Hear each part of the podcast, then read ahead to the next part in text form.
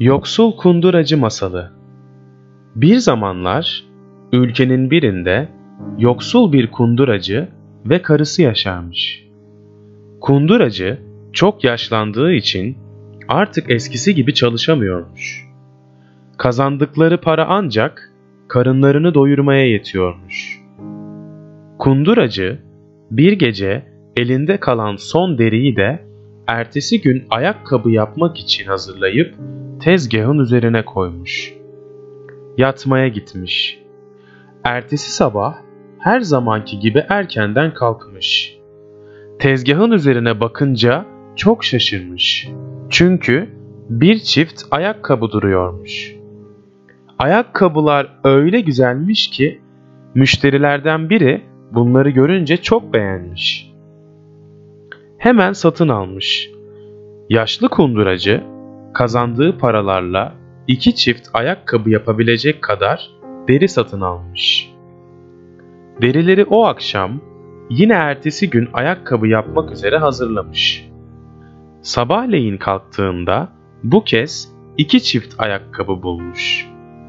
Dükkana gelen müşteriler ayakkabıları çok beğenip bol bol para vermişler. Kunduracı bu durumdan çok memnunmuş. Artık pazara gidip yeterince deri alabilecekmiş. O akşam yine derileri hazırlarken ertesi sabah ne göreceğini tahmin edebiliyormuş. Gerçekten de düşündüğü gibi olmuş. Sabah kalktığında dört çift gıcır gıcır ayakkabı tezgahın üzerinde duruyormuş. Günler böyle geçmeye başlamış. Yoksul kunduracı artık geçim sıkıntısı çekmiyormuş. Kazandığı paralarla istediği kadar deri alabiliyormuş. Hatta bir miktarda para arttırıp gelecek günler için saklıyormuş. Kunduracı bir gün karısına "Bu böyle olmayacak. Bize yardım edenlerin kim olduklarını mutlaka öğrenmemiz gerek. Bunun için bu gece saklanarak onları gözetleyeceğim." demiş. Yine derileri hazırlayıp tezgahın üzerine bırakmış.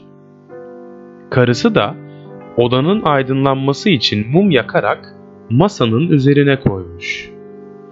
Bütün hazırlıklar tamamlanınca karı koca odadaki dolabın içerisine girerek beklemeye başlamışlar. Vakit gece yarısı olunca birden tıkırtılar duyulmaya başlamış. Kapı açılmış, çok sevimli iki minik adam içeri girmişler. Tezgahın yanına gelerek kunduracının bıraktığı derilerden ayakkabı yapmaya başlamışlar. Karı koca hayretle onları izliyorlarmış. Cüceler işlerini bitirerek sabaha karşı gitmişler. Ertesi gün kunduracı düşünmeye başlamış. Kendisini fakirlikten kurtaran bu adamlara teşekkür etmek istiyormuş. Ama nasıl? Akşam olunca karısına en iyisi minik adamlar için güzel kıyafetler hazırlayalım demiş. Hemen işe koyulmuşlar.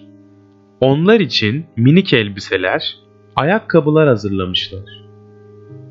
Ertesi gece kunduracı tezgahın üzerine kesilmiş deriler yerine hazırladıkları hediyeleri bırakmış.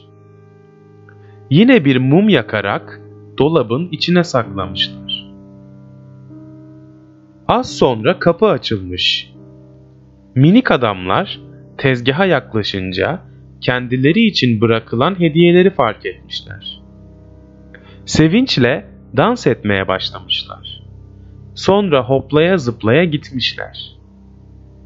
İki minik adam bir daha hiç görünmemişler. Ama kunduracı ile karısı minik adamlar sayesinde kazandıkları parayla ömür boyu rahat yaşamışlar. Ve onları da hiç unutmamışlar.